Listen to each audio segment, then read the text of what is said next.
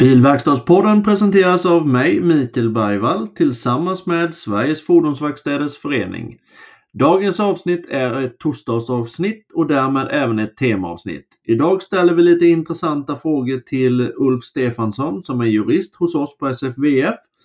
Frågorna har vi tagit in ifrån diverse verkstäder runt om i Sverige som även är medlemmar hos oss på SFVF. Ha en fin lyssning och tack! Ja, då ska ni vara välkomna till torsdagens temaavsnitt i Bilverkstadspodden. Idag har jag med mig ingen mindre än våran kära kollega och vän och jurist i SFVF, Ulf Stefansson. Välkommen hit Stefansson! Tack så mycket Micke!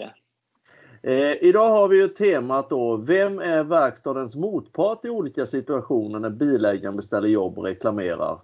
Vi har frågat några av verkstäderna som är medlemmar hos oss. Vad är det för frågor de skulle vilja ställa till Ulf Stefansson? Och då kommer fråga nummer ett här till dig Uffe. En bilägare kommer in och beställer ett jobb men vill att verkstaden ska fakturera någon annan. Hur beter man sig då?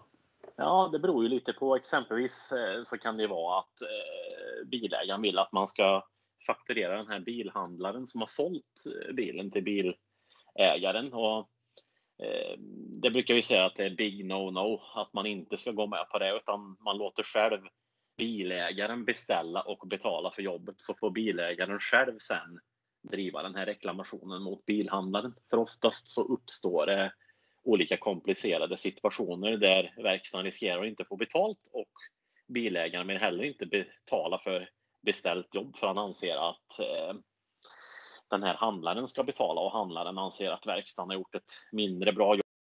Det är fel prisbild eller vad som helst. Då. Så att det är ingen bra situation utan låt bilägaren beställa jobbet genom att signera arbetsorder och sen betala också för jobbet i de situationerna. Det är det bästa. Perfekt. Då är alltså svaret på fråga 1. En bilägare kommer in och beställer ett jobb men vill att verkstaden ska fakturera någon annan. Då är våran rekommendation på SFVF och Ulfs rekommendation på SFVF att gå inte med på detta.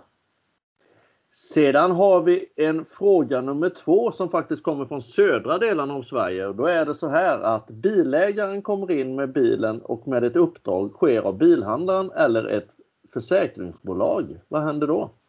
Ja, det är också en annan situation eh, där bilägaren egentligen inte beställer jobbet utan eh, det kan vara som så att det kan vara bilägaren som lämnar in bilen men det kan också vara eh, bilhandlaren direkt då, trots att bilen är såld då, så att, till en bilägare. Men det vanliga är att bilhandlaren tar kontakt med verkstaden och beställer ett jobb och så kommer bilhandlarens kund, alltså bilägaren in och lämnar in jobbet. Det kan också vara som så att bilägaren har lämnat in bilen till verkstaden och att det är någon tredje part som är med, oftast de här som säljer ja, garantier eller slags försäkringar då, kring försäljningen av bilen så följer det med bilen. Det kan finnas olika aktörer där. Vi behöver inte gå in på vilka, men um, då, då, är det också lite riskabelt där. Eh, vad gäller? Vem är det som kan reklamera det här jobbet och vem tar ansvar för reservdelar? Och är det som så att det finns en tydlig beställning från bilhandlaren eller det här garantibolaget, då kan man egentligen inte kräva bilägaren om det är som så att de inte betalar. Men eh, i de fallen så får man vänta med att se så att man får betalt innan man lämnar ut bilen till bilägaren. När det är, för det är trots allt en tredje part som ska betala detta. Och ja. Då kan inte bilägaren komma sen och reklamera i ett senare skede, vilket, vilket brukar vara vanligt heller om någonting går fel. Då. Det kan vara som så att verkstaden inte ens tillåtits att göra ett fullgott jobb, då, att man får göra mer eller mindre en provisorisk reparation. Då, så, så kommer, för att, just för att det här försäkringsbolaget då, eller bilägare eller bilhandlaren inte vill betala för mer än så, så kommer Nej. bilägaren tillbaka och reklamerar och det, det, är inte möjligt om det är som så att det trots allt är bilhandlaren eller försäkringsbolaget eller garantibolaget som beställt jobbet. Nej. Eh, och sen är, att, sen är det väl ja. som så här Ulf också, ifall det är en provisorisk lagning så gäller inga garantier överhuvudtaget. Nej, så är det ju. Det är därför det är viktigt att notera det på arbetsorder också. Men man ja. kanske ändå trots allt har ansvaret för reservdelar och de, de har ju en viss garanti då, om man byter ut dem. Men det blir fortfarande bilhandlaren eller garantiförsäkringsbolaget som får reklamera det också sen om det är som så att den här reservdelen går sönder eh, inom reklamationsrätten. Så att där har man inte så mycket med bilägaren att göra och då är det också bra om inte bilägaren skriver under arbetsordning i någon situation utan att det finns någon form av notering eller mejlgodkännande från det här bilhandlaren eller försäkringsbolaget. Då. Men då kan man heller inte kräva bilägaren på pengar så det är viktigt att komma ihåg att man tar betalt först eller ser till att få betalt av de här tredje parten innan man lämnar ut till bilägaren. Jajamän. Mm. Stort, stort tack för det svaret. Eh, sen har vi även fått en fråga från Göteborg. Då är frågan så här. Bilägaren kommer in och nämner att han eller hon köpt en bil och vill reklamera en tidigare utförd tjänst hos verkstaden. Hur gör verkstaden då? Ja, då kan man ju börja med att det är egentligen inte verkstadens kund som kommer in och reklamerar utan det är ju kunden som man säger som beställde verkstadstjänsten och har ju sålt bilen vidare. Och då kan man ju kolla också vem man har sålt bilen vidare till. Är det en privatperson eller är det en företagare? För att är det en privatperson så, så finns det ju viss möjlighet att den privatpersonen kan reklamera utförd tjänst hos verkstaden även om privatpersonen har sålt bilen då till en annan privatperson. Men däremot så bör man kanske avslå reklamationen om det är som så att den nya bilägaren som inte har beställt tjänsten kommer in och reklamerar. Så att eh, för att förtydliga där att eh, det finns viss kvarstående reklamationsrätt hos den som har beställt tjänsten hos verksam trots att man har sålt bilen.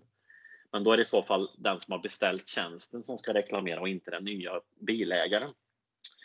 Eh, för att om det är som så att det är den nya bilägaren, då står det ju klart och tydligt i verkstadens reparationsvillkor att då faller garantin. Och då faller även reklamationsrätten skulle vi vilja säga också. Då. Sen behöver vi kanske inte gå in på djupet huruvida det är möjligt att överlåta en sån reklamationsrätt e-, enligt konsumenttjänstlagen då, eller inte. Men vad vi kan säga om det är att om bilen har sålts vidare så faller garantin. Men den nya ägaren utav bilen kan heller inte pröva ett sådant reklamationsfall i Allmänna reklamationsnämnden ARN för att eh, de kommer avslå ett sådant fall, vilket kan vara viktigt att känna till. Men det blir lite komplicerat. Men alltid när bilen har sålts av den som har beställt tjänsten till ett företag så då ska man avslå reklamationer från det här företaget. Då, då, då ska jag säga att då har inte den här privatpersonen några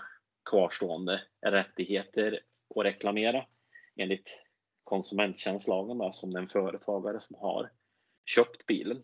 Utan då finns det ingen relation mellan den här företagaren som gör att det är möjligt för företagaren som köpt bilen av privatpersonen att ställa några reklamationsanspråk gentemot verkstaden. Så det är också viktigt att komma ihåg där.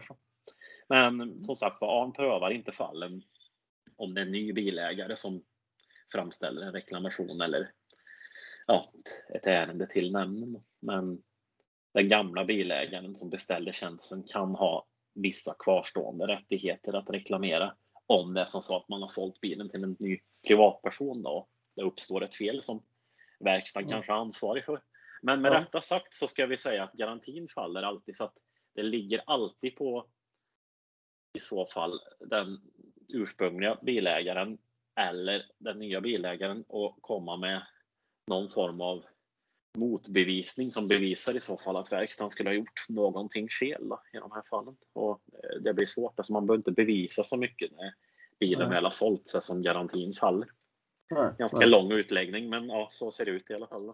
Ja, absolut, de får lyssna flera gånger ifall de inte förstår här, lyssnarna. Ja, eh, så kan man ju alltid ställa frågor också till mig som jurist på Sveriges Ja, precis. Ja. Det var det jag tänkte fråga dig Ulf. Hur eh, kommer man eh, snabbast i kontakt med dig? Ja, det är väl främst mejl i de här tiderna också då, men givetvis så kan man ringa också om man eh, inte vill formulera sig via e-post. Nej, du vill inte så ha besök hemma vid? Nej, det kan man väl ta om vi står ute, men det är väl lite onödigt kanske. ja, det kan det vara definitivt. Ja. Du, gällande det, men jag tror vi nöjer oss med de här tre frågorna och sen så kommer vi ju givetvis att ha det här som ett återkommande punkt i Bilverkstadspodden. Men eh, har du något tips till verkstaden i ovanstående situationer, alltså de här frågorna, gällande de här frågorna vi har pratat om idag? Absolut, om vi sammanfattar det hela för alla de här tre situationerna så är det som så att eh, betalning ska alltid ske innan verkstaden lämnar ut bilen. Så ja. lämna inte ut bilen utan att få betalt är mitt sista tips. Då. Ja. Stort tack! Då får du ha en jättetrevlig fortsatt dag Uffe, så hörs vi av framöver och hälsa familjen och ta hand om dig. Mm, tack detsamma. Mycket.